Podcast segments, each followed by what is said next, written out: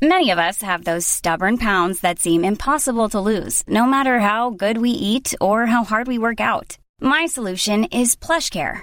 PlushCare is a leading telehealth provider with doctors who are there for you day and night to partner with you in your weight loss journey. They can prescribe FDA-approved weight loss medications like Wagovi and Zepbound for those who qualify. Plus, they accept most insurance plans. To get started, visit plushcare.com slash weight loss. That's plushcare.com slash weight loss. Hiring for your small business? If you're not looking for professionals on LinkedIn, you're looking in the wrong place. That's like looking for your car keys in a fish tank. LinkedIn helps you hire professionals you can't find anywhere else, even those who aren't actively searching for a new job but might be open to the perfect role. In a given month, over 70% of LinkedIn users don't even visit other leading job sites. So start looking in the right place. With LinkedIn, you can hire professionals like a professional. Post your free job on linkedin.com slash achieve today. Hold up. What was that? Boring. No flavor. That was as bad as those leftovers you ate all week. Kiki Palmer here, and it's time to say hello to something fresh and guilt-free. Hello Fresh. Jazz up dinner with pecan-crusted chicken or garlic butter shrimp scampi. Now that's music to my mouth. Hello Fresh. Let's get this dinner party started. Discover all the delicious possibilities at hellofresh.com.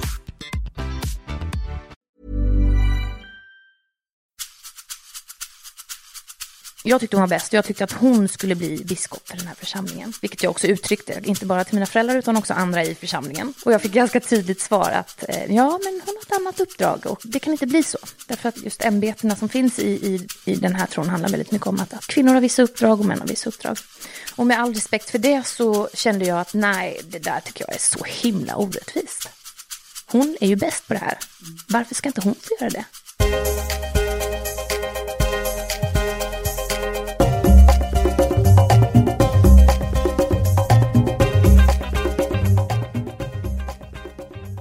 Hej och välkommen till Karriärpodden som den här veckan gästas av Alexandra Strömberg, kundtjänstchef på Klarna, där hon leder serviceteamen ute i Europa.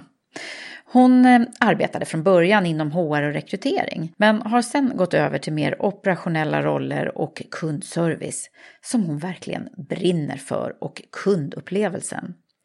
Alexandra är uppvuxen i en stor familj och är äldst av sex syskon. Så att leda och organisera människor, det är inget nytt för henne. Och idag leder hon 240 medarbetare på det spännande bolaget Klarna. Men vägen dit har inte varit spikrak. Att hitta sin egen väg har varit en stor drivkraft genom livet och Alexandra flyttade hemifrån redan som 17-åring för att stå på egna ben.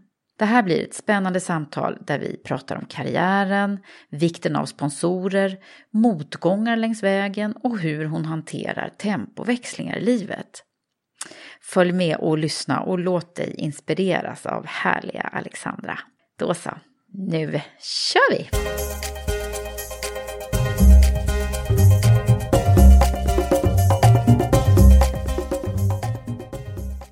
Hej Alexandra! Hej! Så välkommen till Karriärpodden ska du vara. Stort tack, väldigt kul att vara här. Hur mår du? Jag mår bra. Fantastisk eh, miljö som vi sitter i. Det är så skönt och avslappnande. Så det här känns Ja. som en spännande samtal. Ja, det ska vi ha nu. Ja. Ska vi dyka ner i din karriär och hur du har blivit så framgångsrik som du ju är. Ja. På Klarna, kundservicechef. ja. Vad gör man då? Ja, vad gör man? Jag är ansvarig för ett gäng i Europa som pratar med alla våra kunder. Världens bästa gäng tycker jag såklart. Eh, Det, vi är väl, tror jag, runt 250 personer internt som sitter och pratar eh, med våra kunder genom alla olika eh, kanaler. Mm, just det. Eh, Och jag är ansvarig för det gänget. Ah, hur, liksom, hur går det till, tänker jag? Det är ju en faslig massa människor och i flera länder. Ja, vi har ju då personer både i Tyskland och i Sverige när det gäller våra huvudkontor. Eh, och sen har vi också en eh, servicepartner där vi har out, ett outsourcat eh, första, första linjen och de är ju nästan 800. Så att eh, totalt så är vi ju närmare tusen personer som eh, pratar med våra kunder. Ah. Typ eh, hjärtat i verksamheten då. Ja, det tycker jag. Ja. Definitivt. Det är Ja. vi som, förra året hade vi 9,5 miljoner kundkontakter. Det är Så otroligt. det är många konversationer som sker. Ja. Och du har koll på alla? Absolut, jag har koll på precis varenda. Nej, men jag har koll på ganska många. Jag försöker. Ehm, det är så fantastiskt kul att se. Det är ju väldigt många som är i början av sin karriär. det är många unga människor Många du un- leder. ja, alltså det är det. Därför att eh, jag tror en snittålder på 28 och ett halvt år, någonting sånt där. Eh, Klarna generellt är ju ett bolag som är ganska ungt. Eh, men vår kundserviceavdelning är lite, eh, snäppet yngre. Ja. Och det tycker jag är helt fantastiskt. Är, är det, en, det är en klassiker det va? Alltså över, överlag på kundservice? Ja, men jag tror att det är antingen eller. Antingen så har du eh, ganska gedigna kundservicepersoner som sitter och jobbar och har gjort det alltid. Eh, men vi är ju, Klarna är 12 år gammalt, så vi är ju en ganska ung verksamhet. Eh, så för oss har det varit så att, att eh, har, vi har attraherat och kanske valt eh, profiler som är lite yngre. Men vi börjar jobba mer och mer med att kunna mixa. Vi måste ju representera våra kunder, så att eh, givetvis så behöver vi ju tänka lite mer på det. Mm, just det. Men verkligheten just nu är att många Men det är många nationaliteter som du ska också få ihop här. Ja, absolut. Alltså, i, I Europa så har vi ju eh, ett flertal länder. Vi 17 marknader eh, i Europa eh, och 18 globalt. Vi har ju också USA som är en adderad marknad som vi gick live med. Så då antar jag att det är gruppteamledare och Ja. andra som du... Ja, som absolut. Du, Vi har teamchefer och ja, många olika team. ja, vad coolt. Mm. Det är mycket personer, mycket Ja. personalfrågor som landar hos dig. Ja, men förvånansvärt lite tycker jag ändå. Därför att jag tycker att alltså, det är så bra chefer. Vi har så fantastiskt bra ledare i organisationen. Och vi har så öppna konversationer, ses hela tiden. Så det är bara roliga konversationer skulle jag säga. Men det är klart, eh, är det första jobbet? Eh, eller är det eh, utmaningar så är det givetvis så att det, det är vanligare hos yngre. Men för mig är det viktiga konversationer att ha. Men du, att du nu hamnar i den här rollen och att eh, du är ledare över så många, är det någonting som du har planerat? Nej, inte alls. Nej.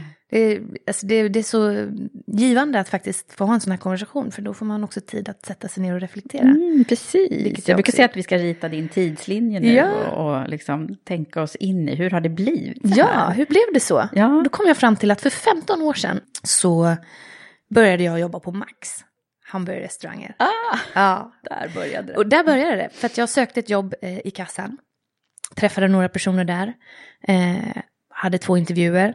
Detta var direkt efter gymnasiet. Eh, och då så sa de, vet du vad, eh, jag tycker inte du ska stå i kassan. Vad sägs om att eh, du är med och bygger upp teamen som ska jobba på den här restaurangen och vara med som biträdande restaurangchefsassistent? Och jag sa, ja visst, det kan jag väl göra.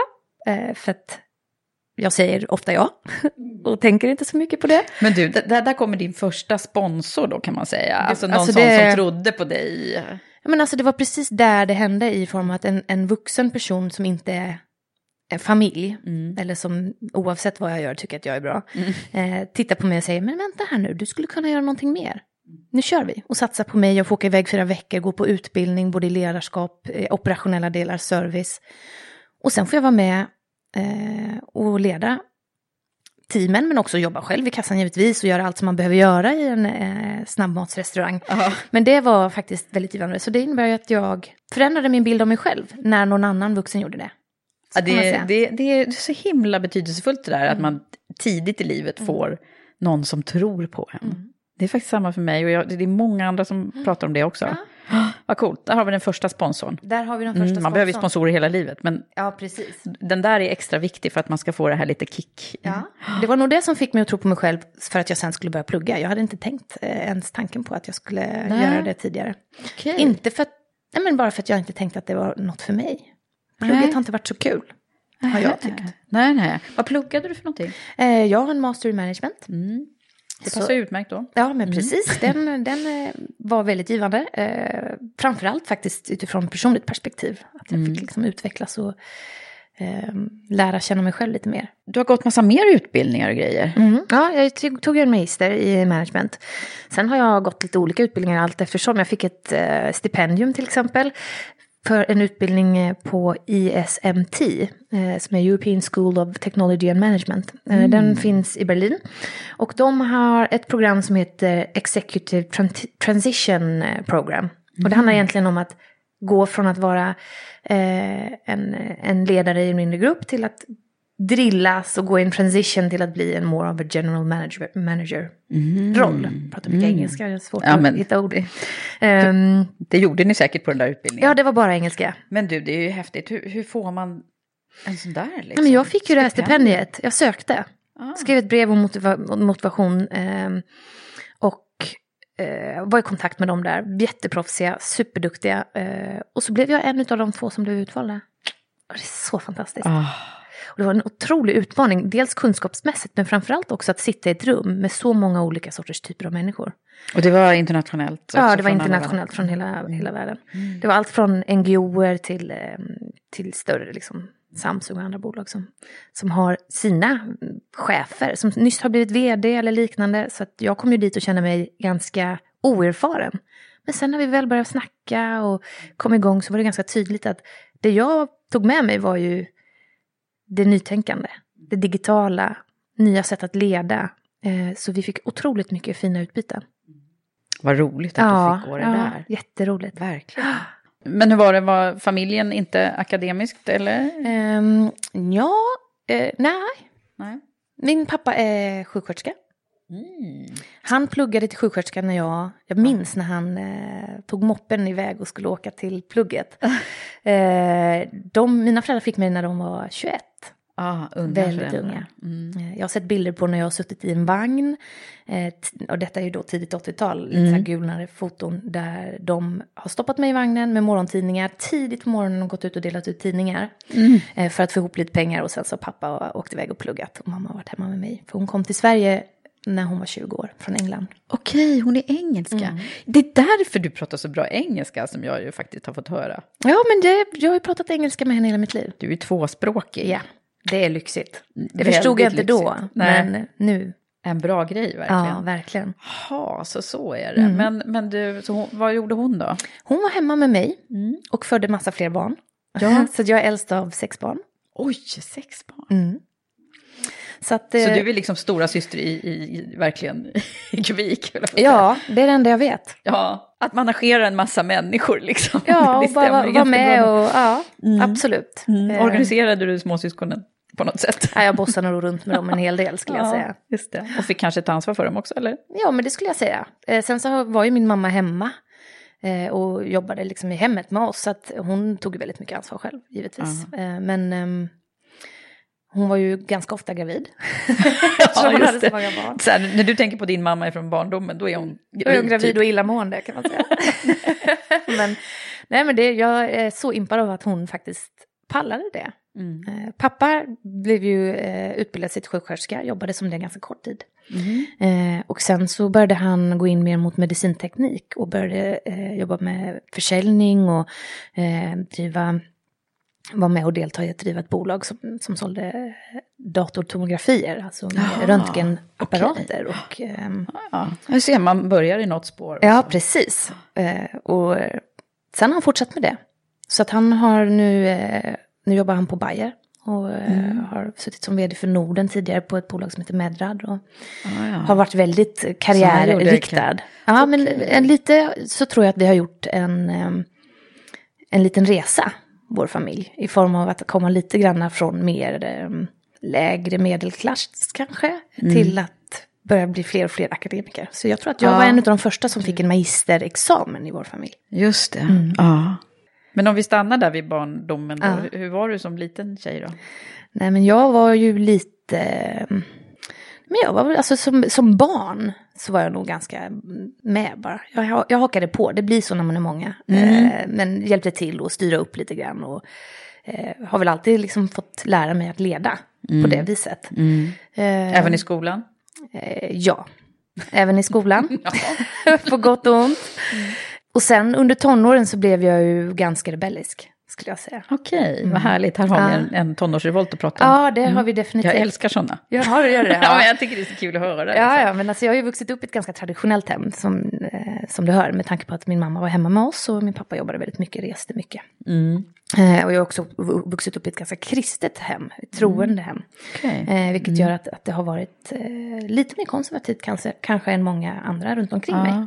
Ja. Vad, vad betyder det? Att ni var liksom hårt hållna? Och... Eh, ja, men det skulle jag nog säga. Det var ganska strikt för mig. Eh, ju, mina yngre syskon, de har inte haft det lika tufft. Nej, Så att, det brukar eh, vara så. Man ska liksom sätta standarden på Ja, den första. Liksom. ja, mamma har ju sagt det någon gång. Jag önskar att jag fick föda dig sist på nytt. Så jag fick göra om. Eh, men det, det finns någonting fint med eh, det jag också har varit med om tycker jag. För att det, man blir lite provdockan Mm. som första barn tror jag. Så pappa kommer och hämta mig på disco klockan tio när diskot börjar klockan nio. Ja, vad kul. Tack, tack pappa. Eh, ja, sådär. De, de ville Var det, väl. då, det var då liksom rebellen? Ja, nej, jag, det, jag såg inte ut. så jag bara bråkade och bråkade och var eh, en liten jobbig. Väldigt kärleksfullt hem. Men jag kände ganska tidigt att jag ville göra någonting för mig själv. Någonting annat. Så jag flyttade hemifrån redan som 17-åring. Det är Eh, Och då så sa mamma och pappa nej, det vill vi inte. Men om du ska göra det får du försörja dig själv. Okej, sa jag. Så då skaffade jag jobb och gjorde det.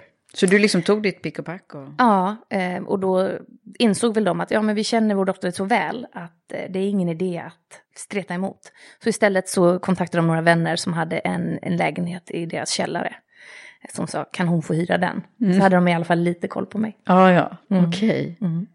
Men du, hade, då hade du inte börjat plugga eller? Då gick jag på gymnasiet. Ja. Så på gymnasiet så eh, Det pluggade var jag inte och så jobbade vanligt deltid då samtidigt. att man flyttade under gymnasiet? Nej, eller? det var det definitivt inte. Nej. Vart, vilken, vart är du uppvuxen? Jag har vuxit upp i Jönköping. Jönköping. Eller egentligen i Umeå och Jönköping. Okej. Därför att eh, grundskolan gick jag i Vännäs utanför Umeå. Mhm. Eh, när min pappa pluggade ju på Umeå universitet. Ah, ja. Eh, och sen flyttade vi tillbaka till Jönköping där min pappa är ifrån. Eh, Därefter. Mm. Just så att det. hela eh, högstadiet och gymnasiet var i Jönköping, Huskvarna, just det, det är ju, där är det väldigt många kristna. Ja, det är ju eh, Sveriges Jerusalem Ja, kallat för. Det kallas ju för det. Finns ju, eh, ja, det finns nog kyrkor i varje kvarter skulle jag Ja. säga. Hur, hur har det liksom präglat dig då? Jag tror det har präglat mig på massa sätt. Dels så har jag ju vuxit upp med så många olika sorters personer runt omkring mig. Med massa olika utgångspunkter och livsfilosofier. Mm. Ehm, och det tycker jag är ganska bildande. Har ni diskuterat livsfrågor eh, mycket hemma eller? Ja, men vi har ju haft, eh, jag har ju vuxit upp med en, en grundvärdering som är kopplad till den tro som mina föräldrar har. Eh, vilket är, de är mormoner. Eh, och det är ju en, en tro som jag har vuxit upp med och fått med mig mycket värderingar kring, givetvis. Men ganska tidigt så insåg jag att när jag ser hur andra lever och har det och tror så märker jag att nej men det här var ingenting för mig. Men eftersom jag har sett så många olika andra alternativ så förstår jag att det finns någonting annat som kanske kan passa mig bättre. Med det sagt så har jag vuxit upp i ett extremt öppet och kärleksfullt hem. Så eh, jag har sagt det till mamma någon gång att ja, men nackdelen med att ni har lärt mig att tänka fritt är att jag kanske inte kommer välja som ni. Som. Nej, just det. Vad hände då? Har du, har du liksom tagit med dig den här tron eller bröt du? Eller vad hände? Ja, jag bröt. Alltså, jag tror att jag måste vara 12-13 år när jag började eh, fundera på om det här var för mig. Och det handlade väl väldigt mycket om att jag har ju alltid tyckt att min mamma är bäst. Mm. Mamma var idolen liksom. Ja, mamma var idolen. Det är henne jag har spenderat mest tid med och det är hon som eh, har hållit ihop oss sex barn. Själv faktiskt till stor del. Sen har ju pappa varit en jättestark kraft eh, genom att hon har kunnat vara hemma eftersom han har försörjt rent finansiellt. Eh, men ehm, jag tyckte hon var bäst. Jag tyckte att hon skulle bli biskop för den här församlingen som 12-13-åring. Vilket jag också uttryckte ganska tydligt, inte bara till mina föräldrar utan också andra i församlingen. Ehm, och jag fick ganska tydligt svar att eh, ja, men hon har ett annat uppdrag och ehm, det, det, det, kan inte, det kan inte bli så. Därför att eh, just ämbetena som finns i, i, i den här tron handlar väldigt mycket om att, att kvinnor har vissa uppdrag och män har vissa uppdrag. Och med all respekt för det så kände jag att nej, det där tycker jag är så himla orättvist. Hon är ju bäst på det här. Varför ska inte hon få göra det? Eh, och då började ju mitt feministiska uppvaknande. Där jag kände att nej, jag måste liksom skapa ett... Jag måste bryta mig loss och göra andra saker. Och sen så tog ju det några år. Eh, innan jag faktiskt liksom helt bröt. För det är ju också, var ju en del av min identitet. Vad Ja. ska jag då, vem är jag då? Vad ska jag då tillhöra? Eh, men där har mina föräldrar stöttat mig jättemycket.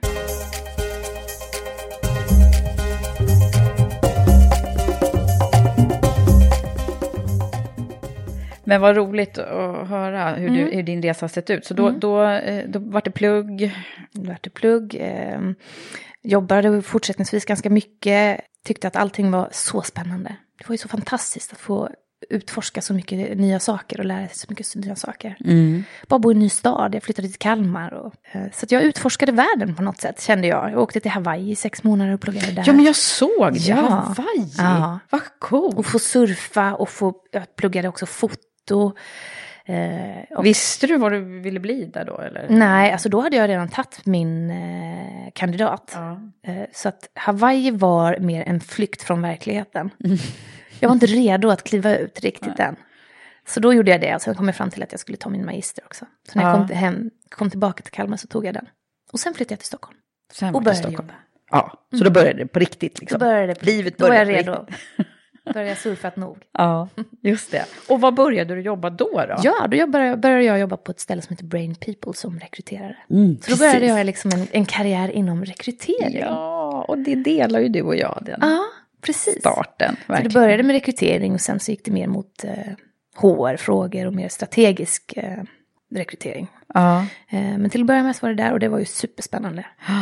Att få träffa så många olika bolag. ja, det är väldigt lärorikt att vara rekryteringskonsult. Både utifrån ett mänskligt perspektiv men också alltså, organisationsstrukturer. Och man får ju möta väldigt många olika bolag. Verkligen. Och, och stöta på många olika sorts ledarstilar, stöta Mm. på olika, v- vad är det som är viktigt, vad är det inte som är viktigt, vad funkar, vad funkar inte i rekryteringar.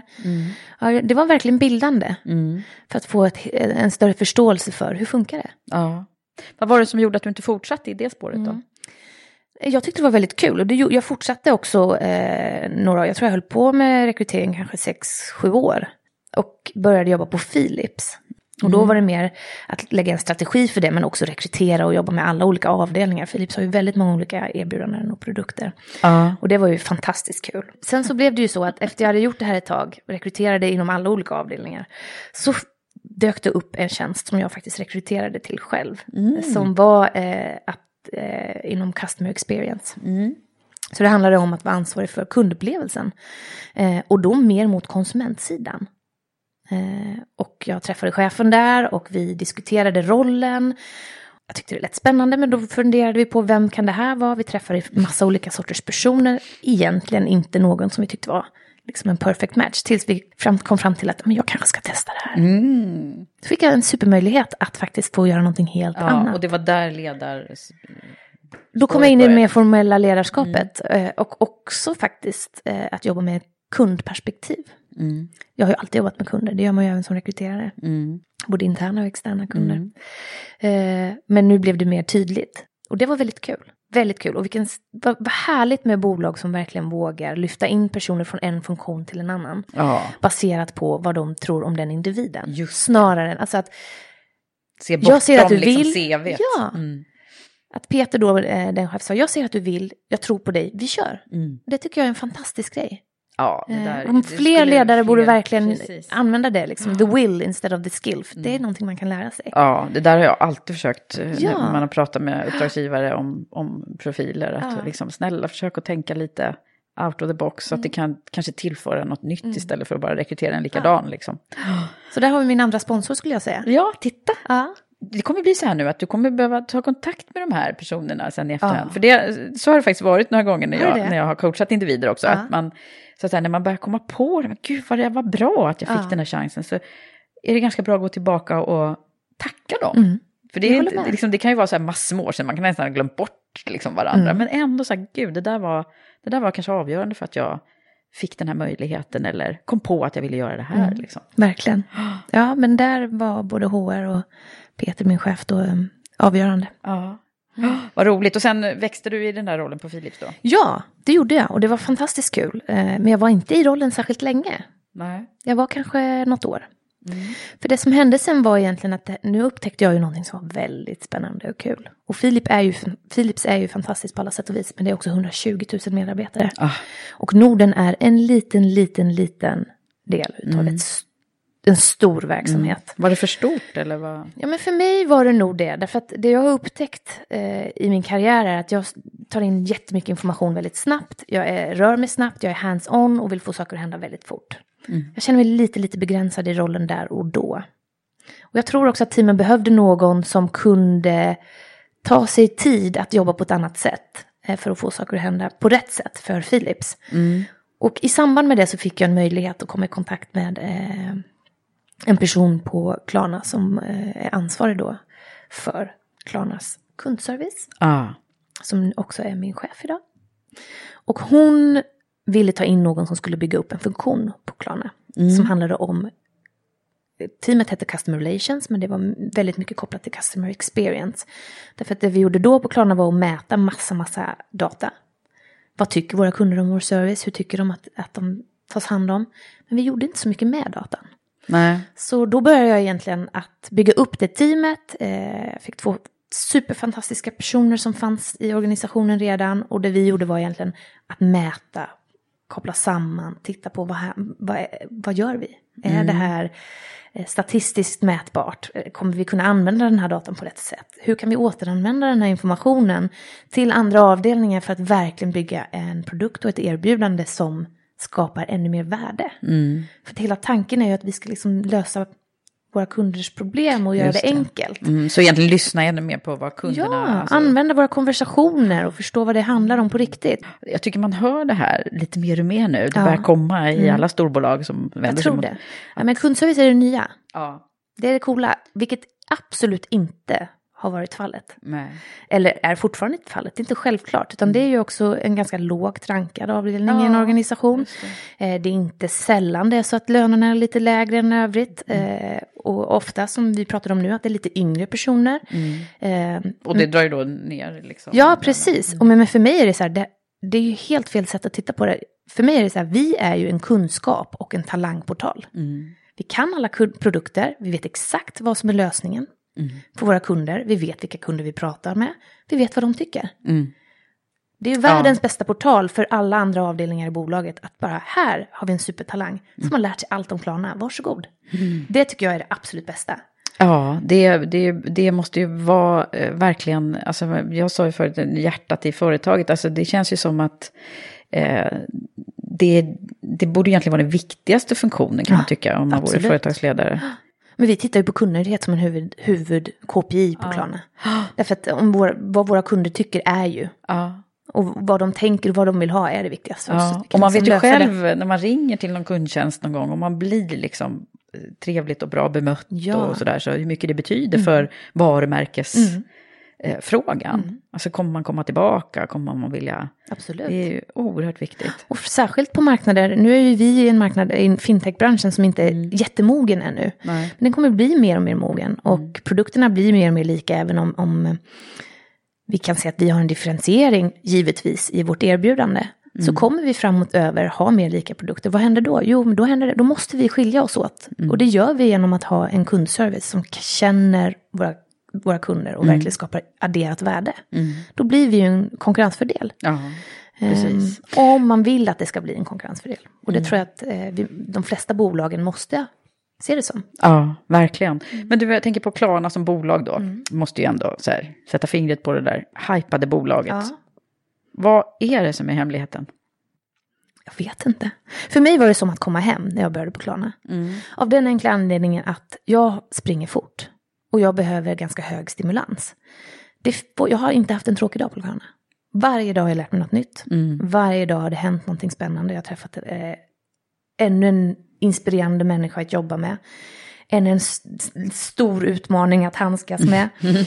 eh, därför att vi springer fort, eh, vi lär oss, vi rättar till det som sker och jobbar vidare. Så det är liksom våran framgång. Det handlar ju om att, att våga och testa och utveckla och köra. Och våra grundare då, det är precis det, de fick ju så mycket motstånd från början. Sebastian, Niklas eh, och Viktor. Ja. Att, att nej, det här är ingenting. Det var ingen som trodde på dem. Nej!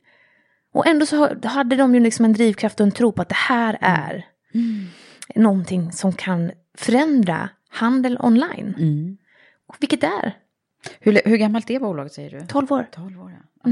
Jag tyckte det var alldeles nyss. Ja men det, tänk för 12 år sedan när du handlade på Ja. nätet. Vågade du lägga ut dina kortuppgifter Nej, nej, nej, det var ju farligt. Ja men det var ju jättefarligt och då, då, det fanns ju ett gap där som verkligen en, en, vi kunde lösa. Ja. Och det har fortsatt vara så, det har fortsatt liksom vara målet att hela tiden lösa utmaningen och förbättra. Precis, och det är ju här processen. liksom, det är ett strålande exempel på digitaliseringens liksom, Ja. innovativa eh, marknad verkligen. Att det finns ett utrymme och det går hela tiden att liksom hitta nya. Mm.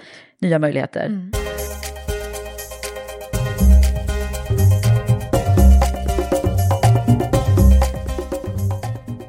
Men du, vi måste forska mera kring, kring hur du har blivit som du har blivit. Mm. Vad är det mer som har varit så här, här vi kan ringa in de här sponsorerna då, Mm. att de har varit viktiga. Absolut. Vad, vad är det mer tror du som har liksom gjort att du har den här, för man känner ju liksom din energi när man träffar dig. Det är mycket, liksom, det, det är mycket ruter i dig på något sätt. Mm.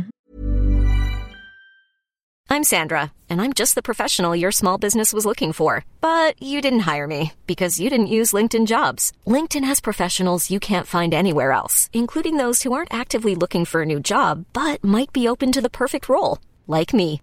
In a given month, over 70% of LinkedIn users don't visit other leading job sites. So if you're not looking on LinkedIn, you'll miss out on great candidates like Sandra. Start hiring professionals like a professional. Post your free job on linkedin.com/achieve today. Ever catch yourself eating the same flavorless dinner three days in a row?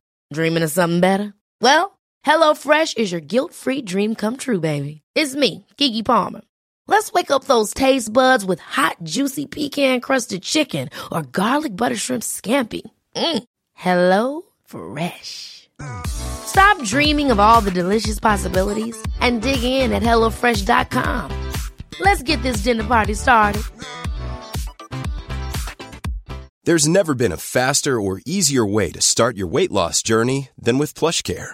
PlushCare accepts most insurance plans and gives you online access to board-certified physicians who can prescribe FDA-approved weight loss medications like Wigovi and Zepbound for those who qualify. Take charge of your health and speak with a board-certified physician about a weight loss plan that's right for you. Get started today at plushcare.com slash weight loss. That's plushcare.com slash weight loss. plushcare.com slash weight loss. Hey, it's Ryan Reynolds, and I'm here with Keith, co star of my upcoming film, If, only in theaters, May 17th. Do you want to tell people the big news? All right, I'll do it. Sign up now and you'll get unlimited for $15 a month in six months of Paramount Plus Essential Plan on us. Mintmobile.com slash switch. Upfront payment of $45 equivalent to $15 per month. Unlimited over 40 gigabytes per month. Face lower speeds. Videos at 480p. Active Mint customers by 531.24 get six months of Paramount Plus Essential Plan. Auto renews after six months. Offer ends May 31st, 2024. Separate Paramount Plus registration required. Terms and conditions apply if rated PG. Hey, Dave. Yeah, Randy. Since we founded Bombus, we've always said our socks, underwear, and t shirts are super soft. Any new ideas? Maybe sublimely soft. Or disgustingly cozy? Wait, what? I got it. Bombas. Absurdly comfortable essentials for yourself And for those facing homelessness. because one purchased equals one donated. Wow, did we just write an ad? Yes. Bombas. Big comfort for everyone. Go to bombas.com slash ACAST and use code ACAST for 20% off your first purchase. Jaha, jag vet Var faktiskt kommer inte. det ifrån? Alltså det sitter bara där. Jag tror att det kommer ifrån dels att jag har blivit uppfostrad att tänka själv. Tänka att du kan testa. Vill du ha ett par nya jeans? Ja, men hur ska du få ihop de pengarna? Alltså att jag har blivit uppmuntrad att tänka så. Så det finns liksom en inre drivkraft att, att jag, kan, jag kan lösa det här. Så jag har fått ett självförtroende tror jag. Ja. Och självförtroendet handlar väl inte alltid om att jag kommer göra det perfekt. Men att jag kan. Och sen får vi se. Ehm, och jag tror att det finns liksom olika sätt att se på, på saker. Antingen ser man lösningen eller så ser man vägen till lösningen, vilket är hindret. Och jag har oftast bara sett lösningen, på gott och ont. Så det Så har, lösningsorienterad kan vi också boka av. Ja, men väldigt hands-on.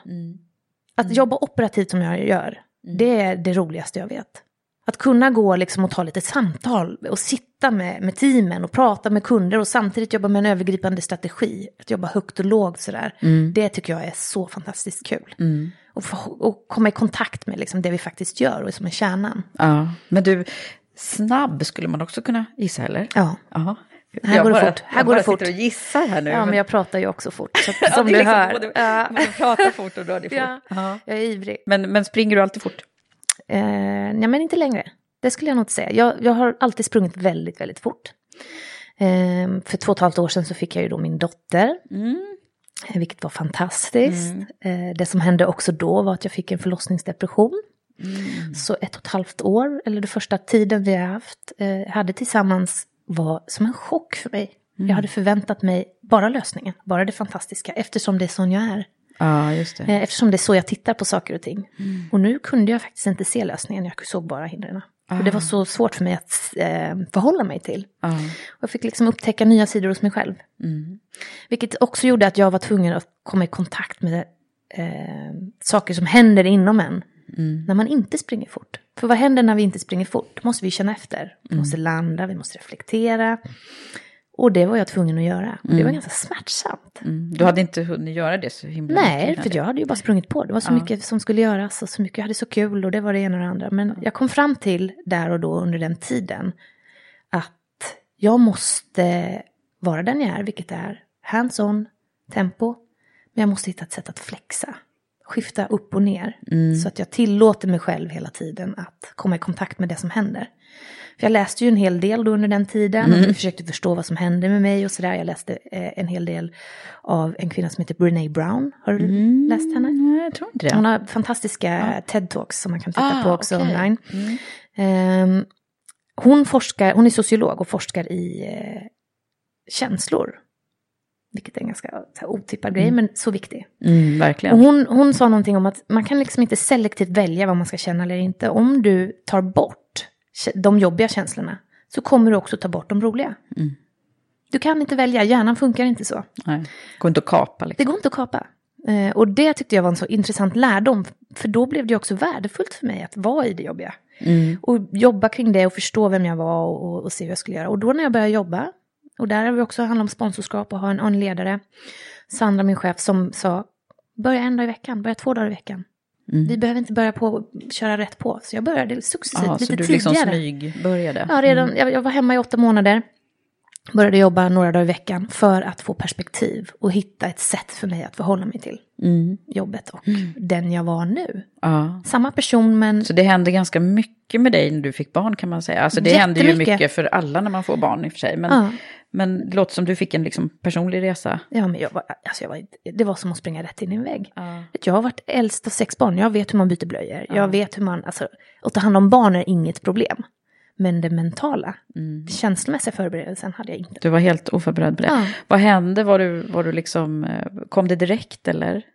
Ja, det kom direkt, därför var, det var en ganska traumatisk förlossning, så därför så eh, förlorade jag en hel del blod och första veckan så låg jag inlagd och hade det ganska tufft. Mm. Så jag hade en, en lång resa att vandra, så att Ja, säga. ja. Mm. det där är ju något som, som, som är ganska vanligt, men vi pratar inte om det så Jag mycket. vet. Jag är Varför så glad att jag får det? möjligheten att göra det. Ja, det är ju jättebra att du gör det nu tycker jag. Ja. För att eh, det, det, vi behöver lyfta det där. Det är liksom så mycket glamour kring det här med få bebisar liksom. Ja men det är Och så, allting det är så bara underbart funka, liksom. och det är så fantastiskt. Och det är det ju, men det, det, det finns också sidor kring det där. Eh, särskilt då som kvinna som förvä- förväntas göra så många olika saker. Mm. Att jag ska fortsätta med min fantastiska karriär som jag tycker är så rolig. Jag ska Mm. också tycka att det är helt fantastiskt att vara mamma och vara hemma och njuta av varenda grej. Mm. Trots att, Mitt liv är totalt förändrat. ja, och jag har kräk på axeln och jag har en helt annan person jag ska ta hand om samtidigt. Och, ja. Det är Men det lustigt, jag hade sig. ett sånt här samtal för inte så länge sedan i, i podden med Lisa Gunnarsson Ja. också. Som, eh, som också pratade om att hon eh, hade en ganska jobbig period där med, Ja. med första barnet. Att man liksom förlorar ju lite sig själv. Nu hade ju du dessutom en, en depression. Men Mm. jag menar, om man, eh, oavsett det så är det ju en väldigt stor förändring i kvinnornas liv första gången Mm. man får barn. Eh, och det kan ju vara varje gång kanske. Men, Mm. men eh, jag, jag upplevde också det där som en inte så glamorös period i mitt liv, även om jag älskar barnet. För det har ju inte med det att göra, utan man, det är mer det här, man, man måste liksom på ny, börja om med sig själv lite grann. Bara, Vem är jag egentligen? Eh, för då har vi, har vi blivit så rotade i den här äh, karriärtänket, de flesta av oss, eller prestation. Att man ska liksom göra någonting med sitt liv. Mm, verkligen. Och så sitter man där som sagt var med bröstpumpar och... Ja, det är otroligt. det, det, det, det, man kan bara skratta åt det så här i efterhand, men det är också en fin tid och det ser man kanske inte förrän efteråt. Nej. Men eh, för mig var det bra och framförallt det här med det, det växelvisa. För det, Ja. som, det jag fick lära mig var egentligen så här, ja, jag kan köra stenhårt, men jag måste också checka ut och in. Eh, och för mig handlar inte det om att hitta en balans i livet där jag jobbar mellan 8 och 5. Så funkar det inte riktigt för mig, utan jag hittade ett sätt där jag jobbar ganska mycket, men jag gör det på ett sätt där, okej, teamet, ni vet var jag sticker nu, klockan är tre, jag åker och hämtar Betty. Eh, de bara, vi vet, eh, vi vet också att du svarar efter sju. De vet att jag lägger undan telefonen. Ja. Och eh, då har jag några i teamet som är beredda att ta saker om det är någonting akut. För en operativ verksamhet rullar ju på så att säga. Ja, just så det det. är ingen som bryr sig om att jag är hemma med Betty under den tiden. Nej. Men det de klarar sig väldigt, väldigt bra utan mig. Ja. Och jag uppmuntrar också andra i teamet att göra detsamma. Men då innebär det också att jag sitter mellan sju och tio på kvällen istället. Mm. Eh, på gott och ont. Och då får jag ju hitta så här olika lägen. För mig har det funkat väldigt bra att ha en arbetsplats som är så flexibel där jag kan göra så. Mm.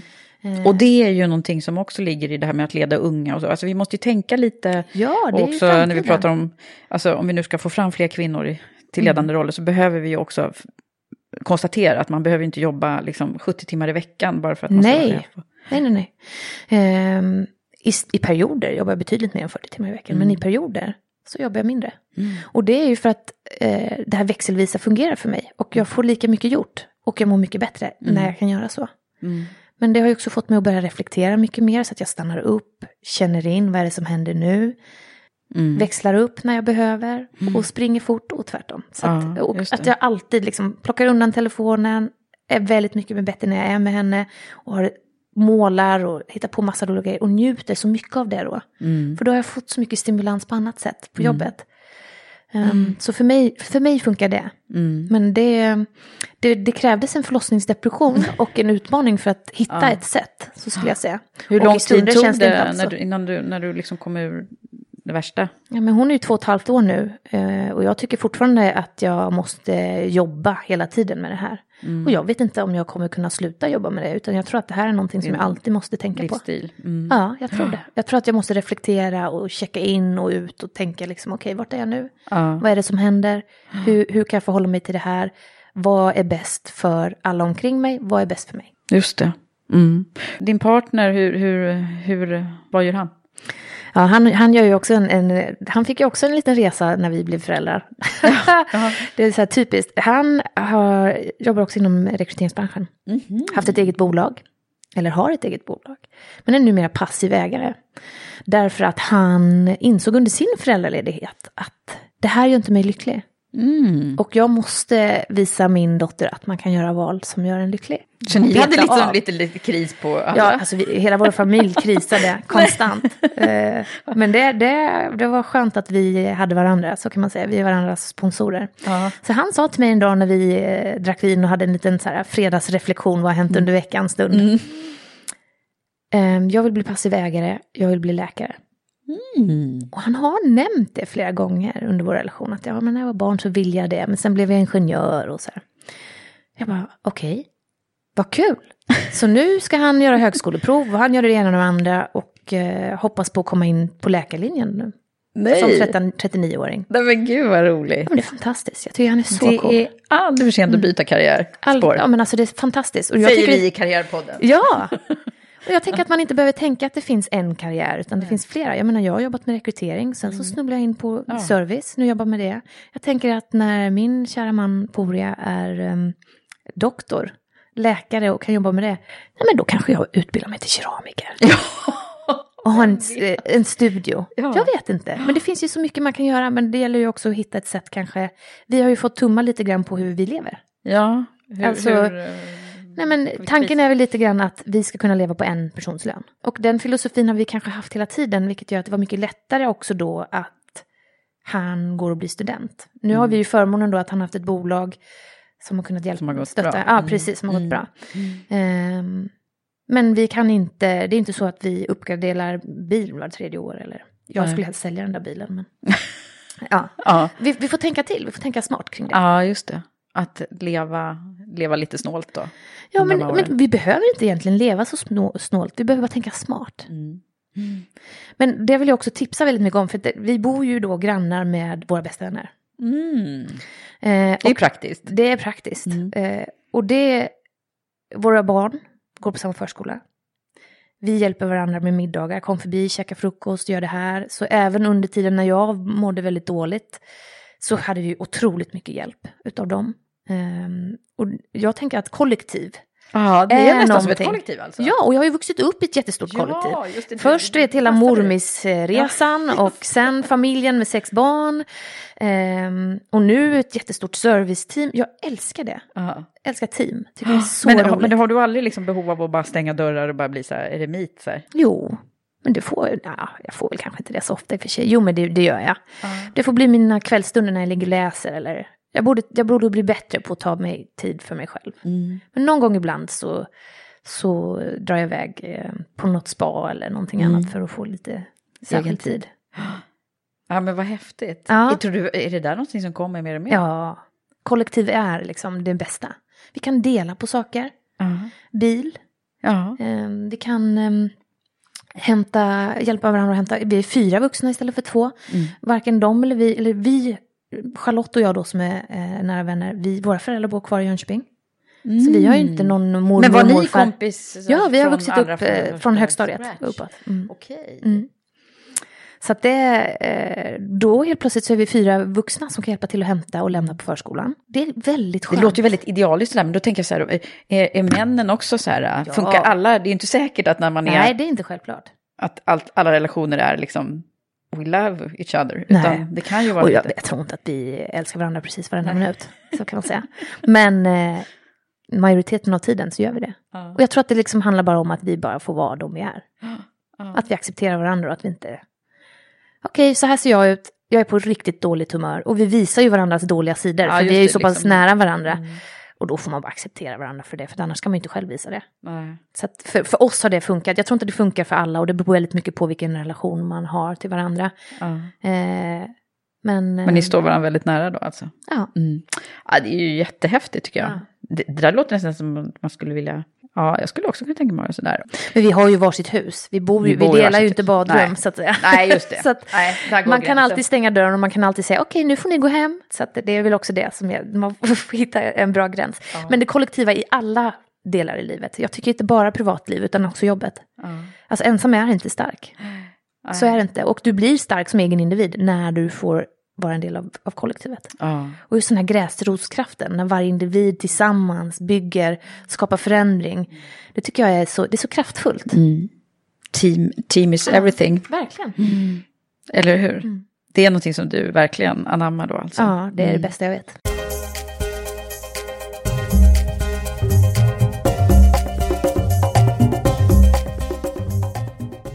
Vad, sä, vad säger man om dig som ledare tror du?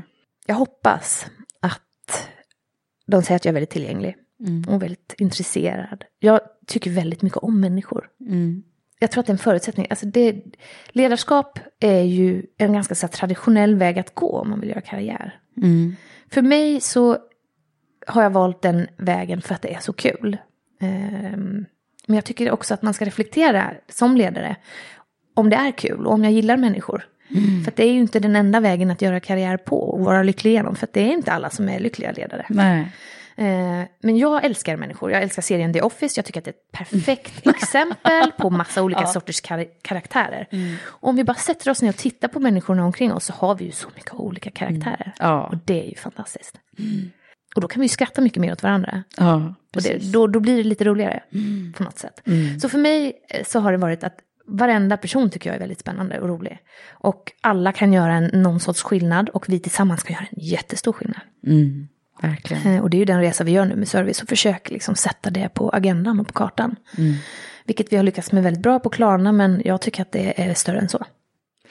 Men du, sen så vet ju jag också att du brinner för det här med att få fram samma sak som jag gör. Att k- få fler kvinnor i ledande roller och Ja. förändra strukturerna. Ja, och normerna. Jag vet ju det därför att vi dels har gjort ett gemensamt event kan man säga, Women for Leaders och, och, och Klarna gjorde ju, Ja. hade för några veckor sedan bara, ett väldigt trevligt event hos er. det var fantastiskt att ha er där. Det var tror jag, väldigt kul för oss också. Vi har ju ett, ett nätverk, eh, Klarna Executive X, som jag tillsammans med några fler kvinnliga chefer på Klarna eh, driver. Eh, där vi samlar egentligen alla kvinnliga chefer på Klarna för att aktivt jobba med den här typen av fråga. Eh, men framförallt så insåg vi att eh, det handlar inte bara om kvinnliga chefer utan det handlar om alla kvinnor givetvis i organisationen men det handlar också om att bryta normer generellt. För oss på Klarna generellt så handlar det ju mer om att, att hur kan vi få attrahera fler kvinnliga chefer till organisationen. Vi är i fintechbranschen, du vet ju också inom it-rekrytering. Det är inte superenkelt. Nej.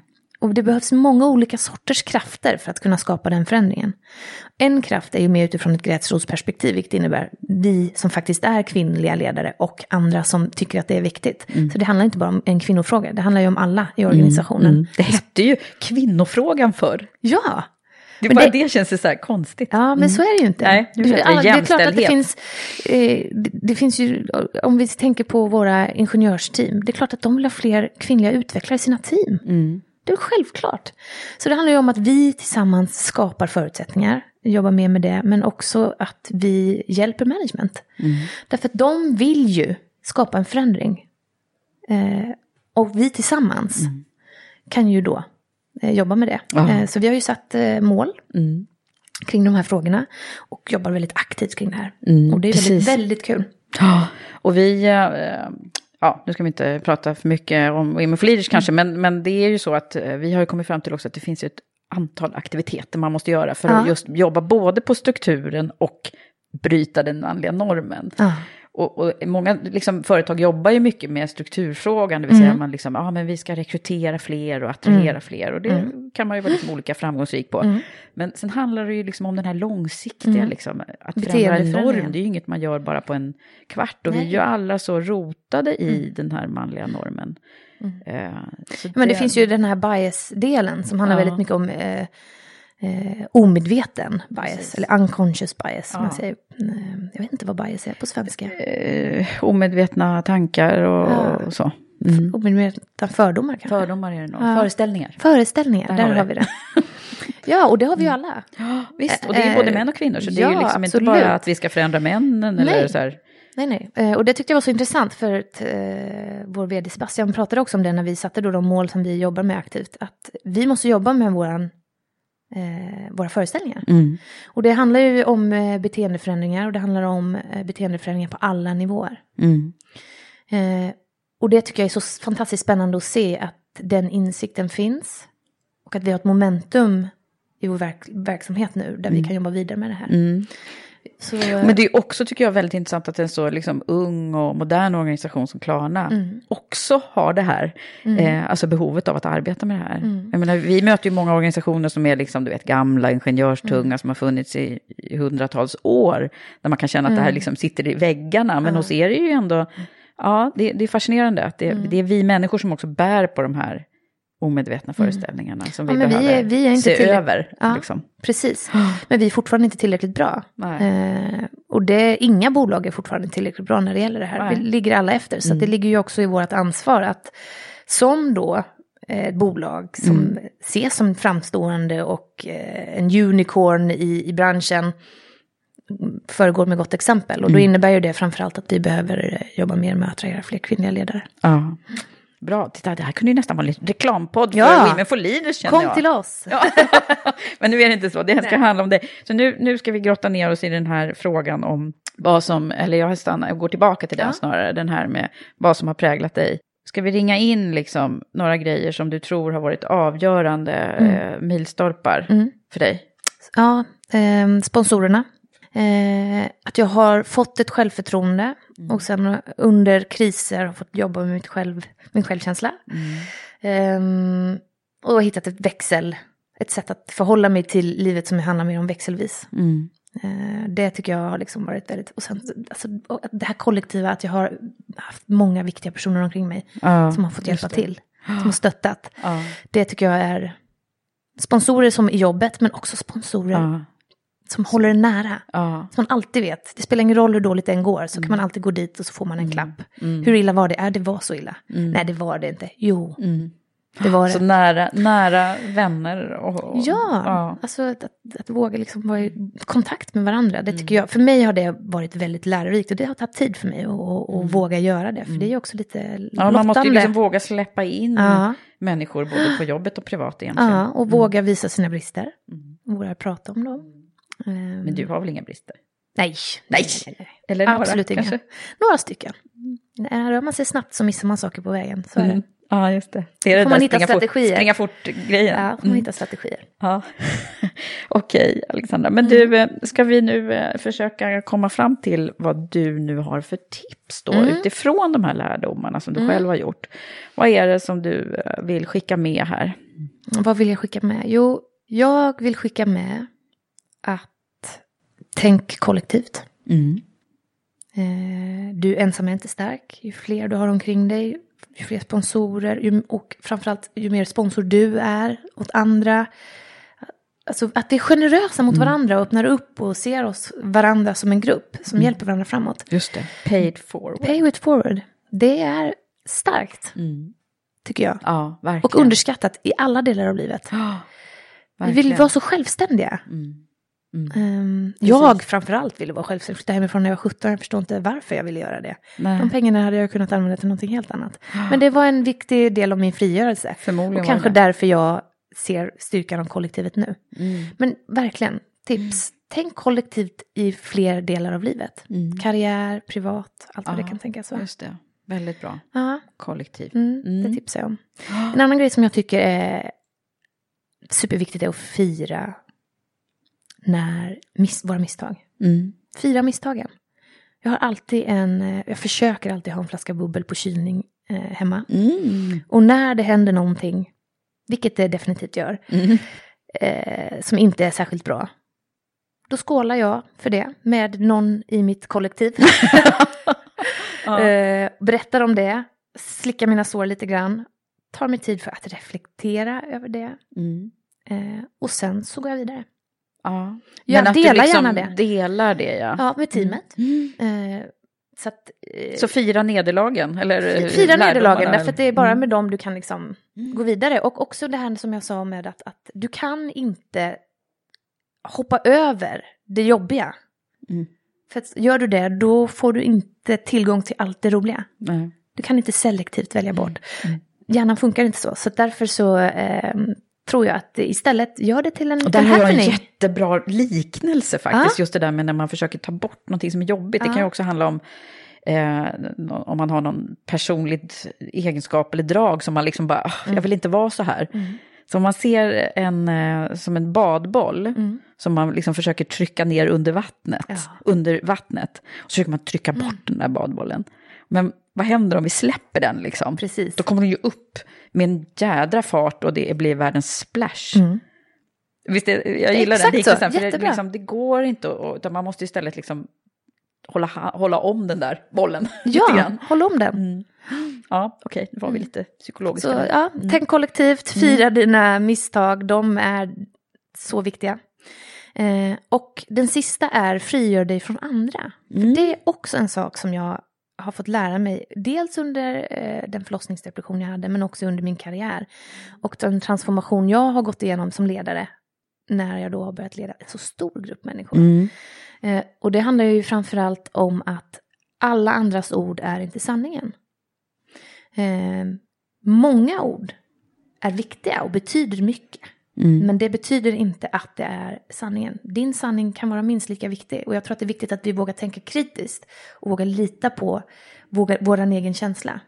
Så att låt inte alla, alla ord och all input Betyder så betyda så mycket. Det ska betyda Mm. eh, någonting. Men vad är det du säger, Fri, så, stå stark i dina egna, Men frigör din egen från- övertygelse. Ja, stå stark i din frigör dig från andras förväntningar. Därför att det är inte alltid sanningen. Nej. De, du ska leva med dig själv i resten av ditt liv. Du kan inte låta det ta för stor plats. Samtidigt som den är superviktig att ta till sig och reflektera över. Och sen blir det inget bra, men då har du ju alltid en flaska bubbel i kylen. Så det är liksom, Då får man fira det. då får man fira det. Ja, Men du, det där är ju jättebra tycker jag att höra, för alla har vi ju i lite yngre år, Mm. tror jag, varit mer beroende av det där, vad andra tycker, alldeles för mycket. Och det kanske är en resa man måste gå igenom lite grann, Mm. Ja. men, men det är ändå så viktigt och bra att, att höra Mm. och försöka hitta det så tidigt som möjligt. Och jag tycker, jag tycker att det, det går upp och ner. Mm. Ibland så är jag en superbra på att liksom ta till mig saker och slå bort andra. Mm. Ibland är jag inte alls bra på det. Nej. Jag tror att det är en ständigt pågående grej. Sen tror jag man blir bättre och bättre på det givetvis. eh, Ju, mm, ju längre man, med, med erfarenhet och träning. Eh, Precis. såklart. Men det, det handlar väl lite om att liksom sätta på sin rustning brukar jag säga. När Ja. man liksom, ibland så behöver man så här, okej men det här kommer inte åt mig nu. Nej. Utan jag, och, och många män har ju det här att vi brukar kalla dem för eh, att de rinner av dem som en gås. Mm. jag tror faktiskt att män har lite lättare för det än kvinnor. Vi vill gärna älta lite liksom. Ja, men det... Eh, och så. Men, men om vi då jobbar med den här rustningen så, Ja. så blir det lite bättre. För mig har det varit ett, ett bra knep i alla fall. Ja. Sen är det ju inget fel att känna saker. Nej. Det är ju tvärtom Man kan en inte ha rustningen styrka. på sig hela tiden, Nej. det går inte. Men man Nej. kan sätta på sig den när det behövs. Exakt. Ja. Exakt så. Gud vad vi är kloka. känner Ja, eller hur?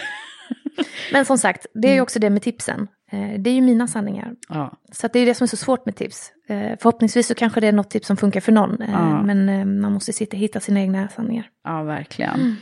Så stort och roligt det har varit att ha dig här. Men tack för att jag fick komma, det var fantastiskt kul. Ja, tack så mycket. Tack.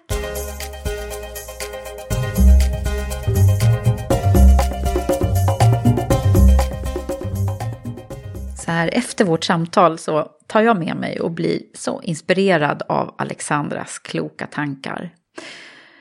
Jag gillar det där med att tänka team och kollektivt, men också hur hon kommit till insikt och hanterat svårigheter och ett högt tempo i livet. Jag undrar, vad tycker du var bäst? Skriv gärna det till oss på sociala medier, på Facebook eller Instagram, vad du gillade. Tack Alexandra, du är grym. Så vill jag också berätta att vi i Women for Leaders har fullt upp och är också ute i landet och föreläser. Den här veckan som kommer är vi både i Kalmar och Lund. Och vi fortsätter att få både nya partners och medlemmar. Så om du inte gör det redan, följ oss i sociala medier och womenforleaders.com. Ha det nu så bra så länge så hörs vi snart igen. Hej hej!